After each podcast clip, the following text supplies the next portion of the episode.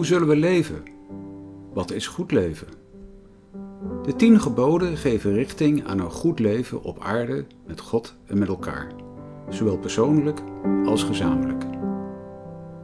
Die oeroude tien leefregels wijzen ook vandaag een weg die we in gehoorzaamheid, vertrouwen en vrijheid kunnen gaan. We zoeken in deze podcastserie naar wat deze tien levenswoorden ons te zeggen hebben in onze tijd met alle ontwikkelingen en vragen. In de serie van 10 verdiepingsdiensten staan we één voor één stil bij de betekenis van de 10 geboden.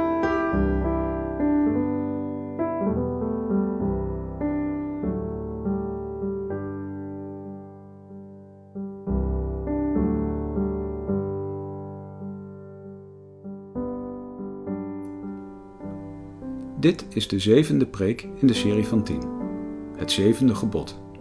Pleeg geen overspel. Voorganger is dominee Dick Wolters.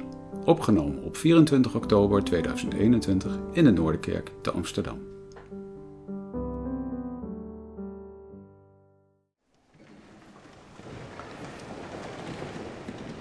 In deze dienst gaan we verder met de behandeling van de tien geboden.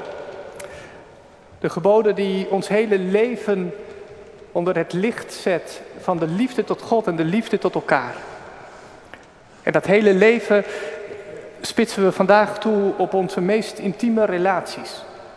Het zevende gebod, gij zult niet echt breken. En ik vind het mooi dat we dat doen in deze dienst, waarin we ook dankzegging brengen voor het avondmaal van vanochtend. Want als er ergens een plek is waar we de liefde leren, de trouw, dan is het bij God die zichzelf geeft. In deze verdiepingsdiensten gaan we in gesprek met de Heidelberger Catechismus, die in zondag 41 handelt over het zevende gebod. Gij zult niet echt breken. En dan luidt de eerste vraag, wat leert ons het zevende gebod? Dat alle onzedelijkheid door God vervloekt is en dat wij daarom door er een hartgrondige afkeer van te hebben, eerbaar en ingetogen leven, het zij in de heilige huwelijkse staat of daarbuiten. Verbiedt God in dit gebod niet meer dan echtbreken en soortgelijke schandelijkheden.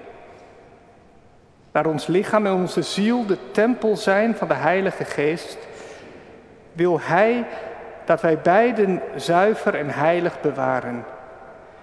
Daarom verbiedt Hij alle onzedelijke daden, gebaren, woorden, gedachten, begeerten en wat de mens daartoe kan verleiden. Tot zover de catechismus. Ik merkte dat ik bij de voorbereiding van de dienst um, voor mezelf ergens blokkeerde. En dat had te maken met dat ik juist als predikant zoveel verdriet en pijn heb gezien, juist rondom relaties. Hoe prachtig die liefde van God als een geschenk voor ons en hoe vaak dat fout gaat. Relaties die stuk lopen, mensen die wel bij elkaar blijven omdat ze vinden dat ze niet mogen scheiden, maar ondertussen gescheiden leven binnen het huwelijk. Mensen die tot hun eigen verdriet geen relatie hebben of niet meer hebben. Mensen die worstelen met zichzelf, met hun eigen identiteit. Er is zoveel verdriet en pijn. En ik denk, hoe kan ik een goede preek houden dat ook recht doet aan alle pijn die er is? En daarom denk ik dat het goed is als we eerst die pijn in gebed ook voor God uitspreken. De eerste lezing is uit Johannes 8, de eerste elf versen.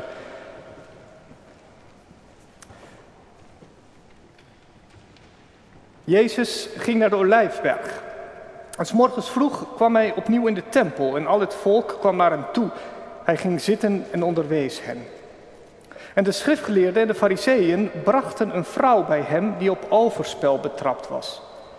Toen ze haar in het midden hadden doen staan, zeiden ze tegen hem: Meester, deze vrouw is op heterdaad betrapt bij het plegen van overspel. In de wet nu heeft Mozes ons geboden zulke vrouwen te stenigen. U dan, wat zegt u? Dit zeiden ze om hem te verzoeken, opdat ze iets hadden om hem aan te klagen. Maar Jezus bukte en schreef met zijn vinger in de aarde. En toen zij hem bleven vragen, richtte hij zich op en zei tegen hen: Wie van u zonder zonde is, laat die dan als eerste de steen op haar werpen. En opnieuw bukte hij en schreef in de aarde. Maar toen ze dit hoorden en in hun geweten overtuigd waren, gingen ze weg, de een na de andere, te beginnen bij de oudste tot de laatste. En Jezus werd alleen gelaten en de vrouw die in het midden stond. Jezus nu richtte zich op en toen hij niemand zag dan de vrouw, zei hij tegen haar, vrouw, waar zijn die aanklagers van u? Heeft niemand u veroordeeld? En zij zei, niemand, heren. En Jezus zei tegen haar, dan veroordeel ik u ook niet.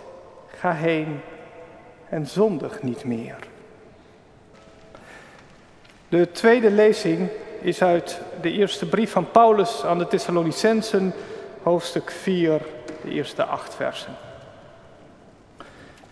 Broeders en zusters, in naam van de Heer Jezus vragen we u met klem te leven zoals wij het u hebben geleerd. Dus zo dat het God behaagt. U doet dat al, maar wij sporen u aan dat nog veel meer te doen. U kent de voorschriften die wij op gezag van de Heer Jezus hebben gegeven. Het is de wil van God dat u een heilig leven leidt. Dat u zich onthoudt van ontucht. Dat ieder van u zijn lichaam heiligt en in eerbaarheid weet te beheersen. En dat u niet zoals de ongelovigen die God niet kennen toegeeft aan de hartstocht en begeerte.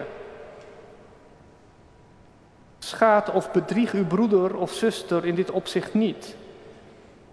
Want de Heer vergeldt dit alles, zoals wij u vroeger al nadrukkelijk hebben voorgehouden. God heeft ons niet geroepen tot zedeloosheid, maar tot een heilig leven. Dus wie deze voorschriften verwerpt, verwerpt niet een mens, maar God, die u zijn heilige geest geeft. Amen. Gemeente van onze Heer Jezus Christus. Bij de Amerikaanse theoloog Stanley Hauer was, las ik de uitspraak: Een religie die je niet vertelt wat je met je potten en pannen en geslachtsdelen moet doen, kan niet interessant zijn. Potten en pannen gaan dan bij hem over alle economische relaties waarin wij staan. En geslachtsdelen gaan om de meest intieme relaties die we hebben. Het geloof moet daar iets over te zeggen hebben. Over het hele leven. En daarmee heeft hij in ieder geval, denk ik, de tien geboden aan zijn kant. Want de liefde tot God en de liefde tot elkaar behelst het hele leven. Het leven in je gezin, het vijfde gebod. Het leven in de omgang met je naaste en zijn leven, het zesde gebod.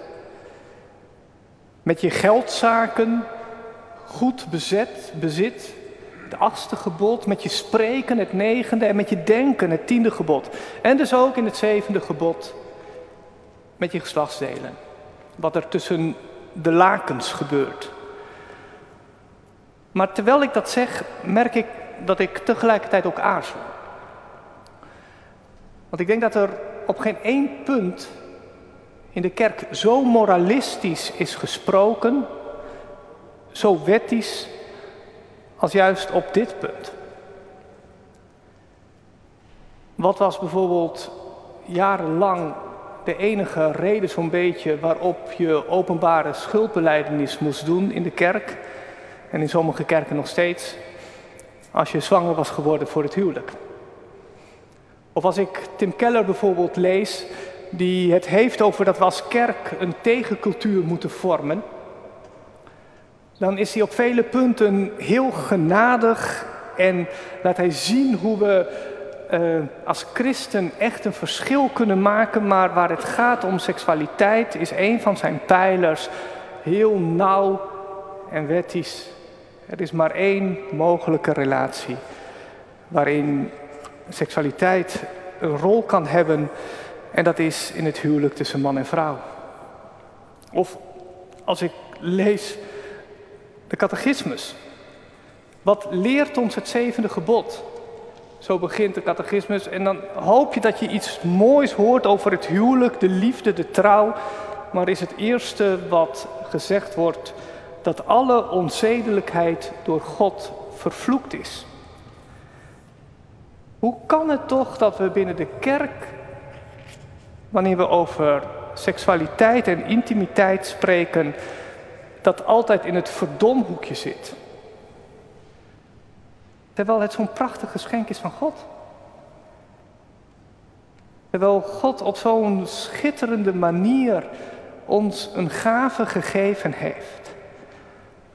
Om de liefde naar elkaar toe te bekrachtigen. Om een eenheid te ervaren die je niet voor mogelijk hield.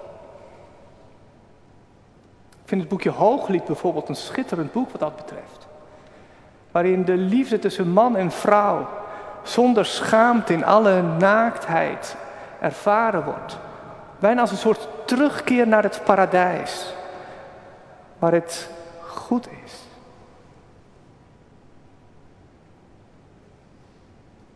In zekere zin snap ik dat in reactie op de preutsheid van de kerk binnen de wereld een soort open seksuele moraal is ontstaan waar alles open en bloot voor het grijpen ligt. Weg van die juk van seks is vies en zonde en moet in de beslotenheid en we hebben het er liever niet over. Tegelijkertijd vraag ik me af hoe open de moraal van deze wereld is. Want ook in deze wereld zie ik eigenlijk maar weinig goede gesprekken over intimiteit. Alles ligt wel open en bloot op straat. Maar waar het je ten diepste raakt en hoe je het in veiligheid en kwetsbaarheid kunt ontvangen, daar hebben we het niet over. En ik zie net zoveel pijn en verdriet om mij heen. Net zoveel gebroken relaties. Net zoveel mensen die op het hart zijn getrapt. Die zich bedrogen voelen. Die worstelen met zichzelf. Eigenlijk maakt het niet eens zo gek veel uit. Zowel op mijn reformatorische middelbare school als in de kroeg hoor ik vooral grappig spreken over seks.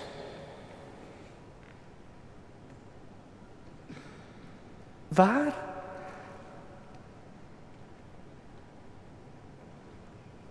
Waar is Gods bedoeling gebleven? Het lijkt wel alsof op geen enkel front de duivel zo'n verwoestend werk heeft gedaan dan juist op dit punt. Of dat het nou in het verdomhoekje terechtgekomen is, of dat het zo open en bloot op straat is komen liggen. In geen geval raakt het aan de diepte van Gods bedoeling. En ik hoop zo dat wij als kerk en als gemeente op dit front echt anders kunnen zijn. Dat we als kerk een veilige plek kunnen zijn waar we met elkaar kunnen spreken over al deze issues die ons zo diep kunnen raken. die identiteitsbepalend kunnen zijn, die zo vormend kunnen zijn voor je leven. Een veilige plek waar we over relaties en intimiteit spreken, zonder lacherig te doen, zonder wettisch of moralistisch te zijn, maar juist als dat kostbare geschenk van God. Ik gun dat onze tieners zo, die hun lichaam langzaam zien veranderen. En die dat lichaam gaan ontdekken. Gesprek met hen over bijvoorbeeld zelfbevrediging. Ik gun het onze jongeren zo. Dat we met hen in gesprek kunnen gaan over wie ze zijn, hun seksuele identiteit. Over hoe ze langzamerhand de stappen maken op het liefdespad. Ik gun het onze singles zo. Om met hen te spreken over de keuzes in hun leven.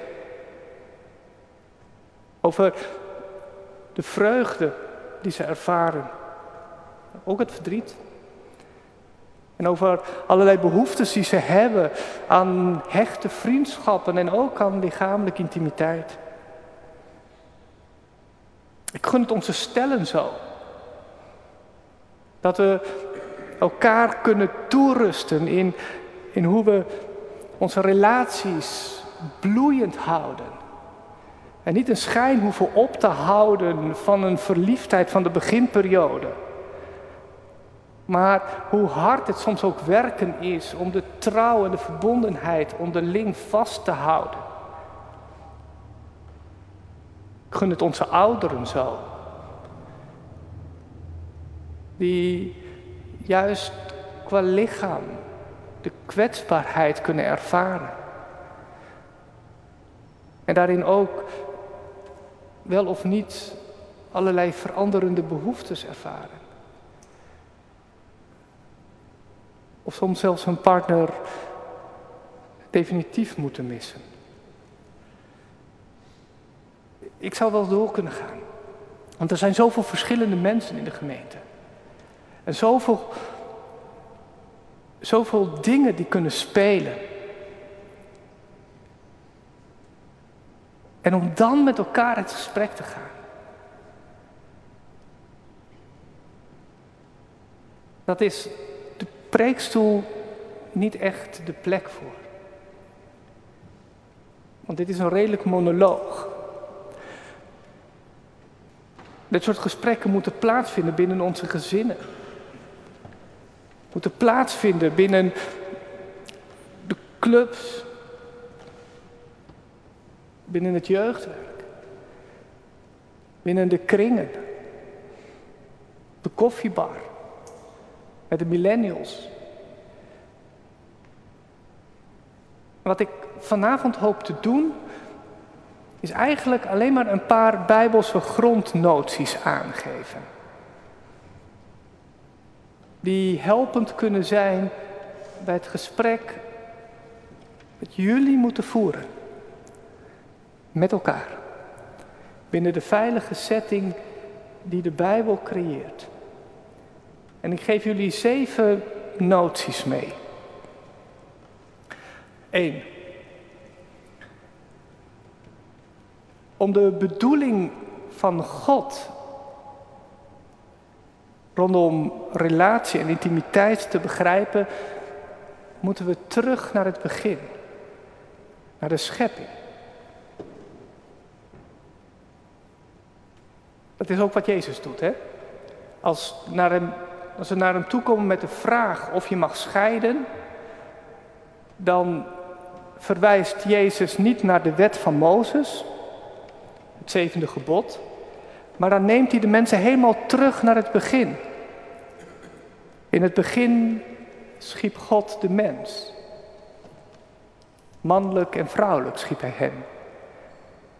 In het begin nam God een rib uit Adam en vormde die tot zijn vrouw. De beide scheppingsverhalen van Genesis 1 en 2 laten ons op een prachtige manier zien hoe God de mens geschapen heeft in relaties. De mens is een relationeel wezen. Wie jij bent, kun je nooit ontdekken in je eentje. Je bent als mens altijd geschapen in relatie tot. In relatie tot God. Je schepper. Die zijn beeld in jou legde. In relatie tot de aarde. God vormde de mens Adam, in het Hebreeuws, uit de Adama, de aarde. En in relatie tot elkaar. Hij vormde de man, de Ish, en de Isha, de vrouw. Je ziet gewoon aan die Hebreeuwse taal hoe alles in relatie staat tot elkaar. Hoe je niet zonder de ander kunt. Daarom, zo staat er aan het eind van het scheppingsverhaal, zal de man zijn ouders verlaten, zich aan zijn vrouw hechten en zij zullen één zijn. En voegt Jezus daaraan toe, wat God heeft samengebracht. Dat moet je als mens niet willen scheiden. Twee. Onze diepste nood is dat de gebrokenheid ook zichtbaar wordt op al die drie de fronten. In het paradijs wandelde de mens met God. Buiten het paradijs waren ze vreemden voor elkaar. In het paradijs was de aarde een vruchtbare bodem van leven, waar de mens volop van kon genieten. Buiten het paradijs moet hij zich in het zweet werken. In het paradijs lopen Adam en Eva naakt rond. Ze schamen zich niet voor elkaar. Buiten het paradijs treedt de schaamte toe en moeten ze zich onthullen. Voor Paulus in 1 Thessalonicense 4 is de ontucht, de porneia, het grootste symbool van deze gebrokenheid. Want ontucht is een ontkenning van alle relaties waarin jij geplaatst bent. Want ontucht zet jou op een eilandje. Het gaat om wat jij wil, om wat jij verlangt, om wat jij begeert en je trekt alles naar jezelf toe. Het is niet langer leven in relatie. Het is leven voor jezelf. Drie. Daaruit blijkt dan ook wat de kern is van God. God is liefde, God is relatie. En God wil zichzelf altijd geven. Dat hebben we vanochtend op een prachtige manier gevierd in het avondmaal. Jezus die zichzelf breekt in brood en wijn. Die zichzelf aan ons geeft. Hij komt in ons. Het wordt bijna een soort mystieke eenheid. Wij worden zijn lichaam. In de Bijbel wordt meer dan eens de vergelijking getrokken tussen de bruidegom en de bruid. En in het hoge priestelijk gebed bidt Jezus dat ook. Hij zegt, ik heilig mijzelf voor hen. Ik geef mijzelf aan hen. Opdat we één zijn. Heiligen, dat is in de Bijbel apart zetten, toewijden. Jezus wijdt zichzelf toe aan ons. Hij geeft zichzelf aan jou. Om onze gebrokenheid te herstellen. Om al die relaties waarin wij staan te vernieuwen. Om iets van het paradijs terug te krijgen. Vier. Omdat Jezus zich zo voor ons heeft geheiligd. Omdat Hij het paradijs voor ons heeft geopend. Door zichzelf aan ons te geven. Roept Paulus ons op om ook heilig te zijn. Om heilig te leven. Dat wil zeggen ook onszelf volledig weg te geven aan de ander. Niet op jezelf gericht te zijn en op wat jij wil, maar juist op de ander, op je naaste. En dat maakt ook elke relatie zo extreem kwetsbaar. Omdat wij zelf altijd onszelf willen indekken en veiligheid willen bieden. Om niet gekwetst te worden.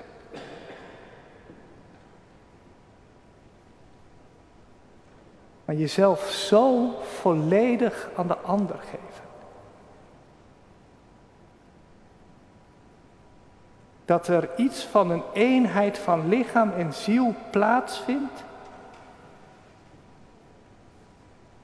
waarin Christus zichtbaar wordt.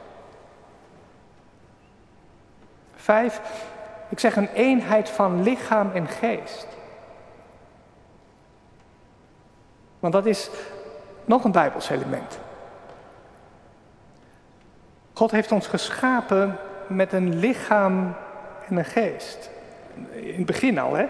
Hij vormde ons uit de aarde en blies daar zijn adem, zijn geest in. Zo werden wij mensen. En ook in de vernieuwing, in de geloof, in de heiliging, vindt dat plaats. De catechismus die spreekt van onze lichaam en onze ziel als de tempel van de Heilige Geest. Wij kunnen zo vaak onderscheid maken tussen lichaam en geest. Dan is het net alsof onze geest, daar gaat het om onze ziel, dat die opklimt tot de hemel, tot God. Dat lichaam, dat kunnen we zo gemakkelijk uit het oog verliezen. Dit is door God gewild. Hij heeft het gemaakt. Het is kostbaar. Het is zo kostbaar dat Hij erin wil wonen. En daarom heeft ook alles wat je met dit lichaam doet. Je eten, je drinken, je rusten, je werken, je sporten, je intimiteit. Alles wat je met dit lichaam doet, heeft met God te maken. Hoe onderhoud jij Gods tempel? Zes. Niet alleen vanuit de schepping krijgen we oog voor Gods bedoeling, ook vanuit de toekomst, het koninkrijk. Jezus die zegt op een gegeven moment dat er in het koninkrijk niet meer getrouwd wordt. Waarom eigenlijk? Waarom geen huwelijk in het koninkrijk? Gaan wij zo op in God dat alle andere relaties er niet meer toe doen? Nee, daar geloof ik helemaal niks van. Daarvoor blijft onze verbondenheid met de aarde. En blijft onze verbondenheid met elkaar. Daarvan getuigen alle visioenen van het koninkrijk. Maar daarin proef je ergens een soort verdieping en verbreding en verruiming. Waarin wij als mensheid allen samen één worden in Christus. Verbonden met alle heiligen. En ook die eenheid mochten we vanochtend aan het avondmaal ervaren. Zeven, tenslotte, deze visie op het koninkrijk werkt ook door in de visie die in de vroege kerk, de eerste brieven van Paulus, ook op huwelijk en gezin wordt gegeven. Want niet langer is het gezin de primaire relatie waarin je staat.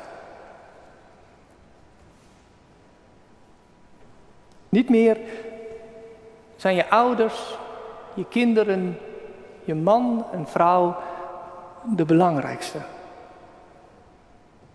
De belangrijkste relatie in je leven, waaruit je je diepste identiteit haalt. de gemeente. Het lichaam van Christus. Van je broeders en zusters.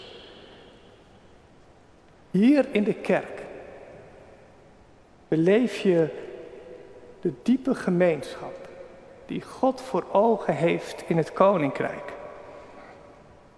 De missie op de kerk, de missie, de, de missie van de kerk verandert ook.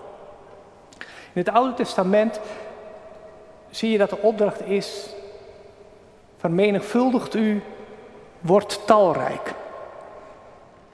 In het Nieuwe Testament klinkt het: ga op weg, maak alle volken tot mijn leerlingen. Je zou kunnen zeggen, in het Oude Testament groeit het volk door gezinsvorming en voortplanting. In het Nieuwe Testament groeit de kerk door zending en evangelisatie, door getuigenis. En daarom pleit was, die ik aan het begin noemde, hij pleit ervoor om het single zijn naast het huwelijk als een noodzakelijke institutie van de kerk te beschouwen. Want singles gaan de kerk voor in twee belangrijke waarden. Dat je eerste gezin hier zit en niet thuis. En dat wij willen groeien door getuigenis en niet voortplanting. Wat dat betreft is het een teken aan de wand dat we in de kerk meer kinderen dopen dan volwassenen. En daar moeten we ons echt zorgen om maken. Paulus is zelf een singel en die zegt dat voor het getuigenis dat wel de beste manier is. Zeven punten. Zeven bijbelse punten. En ik hoop dat ze ergens ons de, de diepte en de rijkdom van de liefde van God schilderen.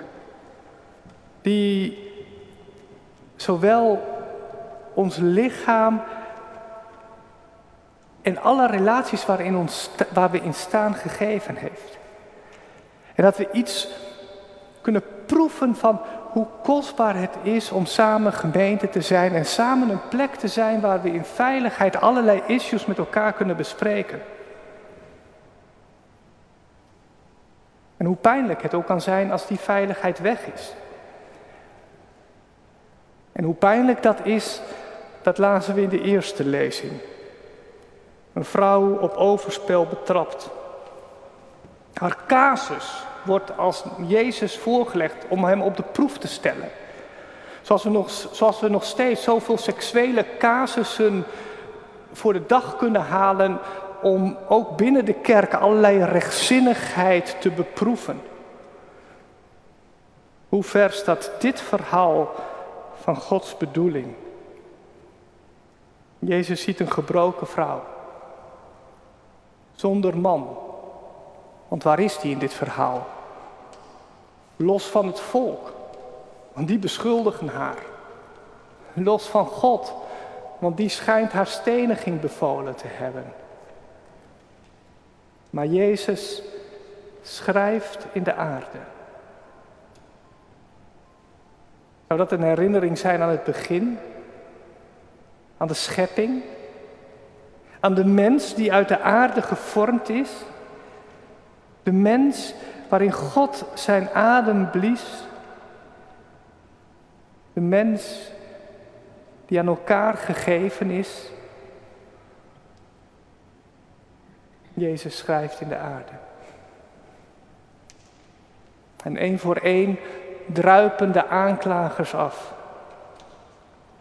Beseffen zij dat niemand zonder zonde is? Beseffen ze dat door deze vrouw zo te gebruiken om hun eigen gelijk te halen, ze zich nog dieper in de zonde hebben gewenteld, omdat, omdat ze uit de relatie zijn gestapt en deze vrouw gebruiken voor hun eigen gelijk? Jezus schrijft in de aarde. En als hij opkijkt, ziet hij alleen die vrouw staan. En dan pint hij haar niet vast op haar verleden. Want hij is niet iemand die een oordeel velt over wat wij gedaan hebben. En ons daarin vastpint. Hij is een God die de weg opent naar de toekomst. Ga heen. Zondig niet. Leef zoals God het heeft bedoeld. Leef vanuit Zijn bron van liefde en trouw. Geniet van het leven dat Hij je geeft. Lof zij deze Heer voor alle gave relaties die Hij ons geeft. Amen.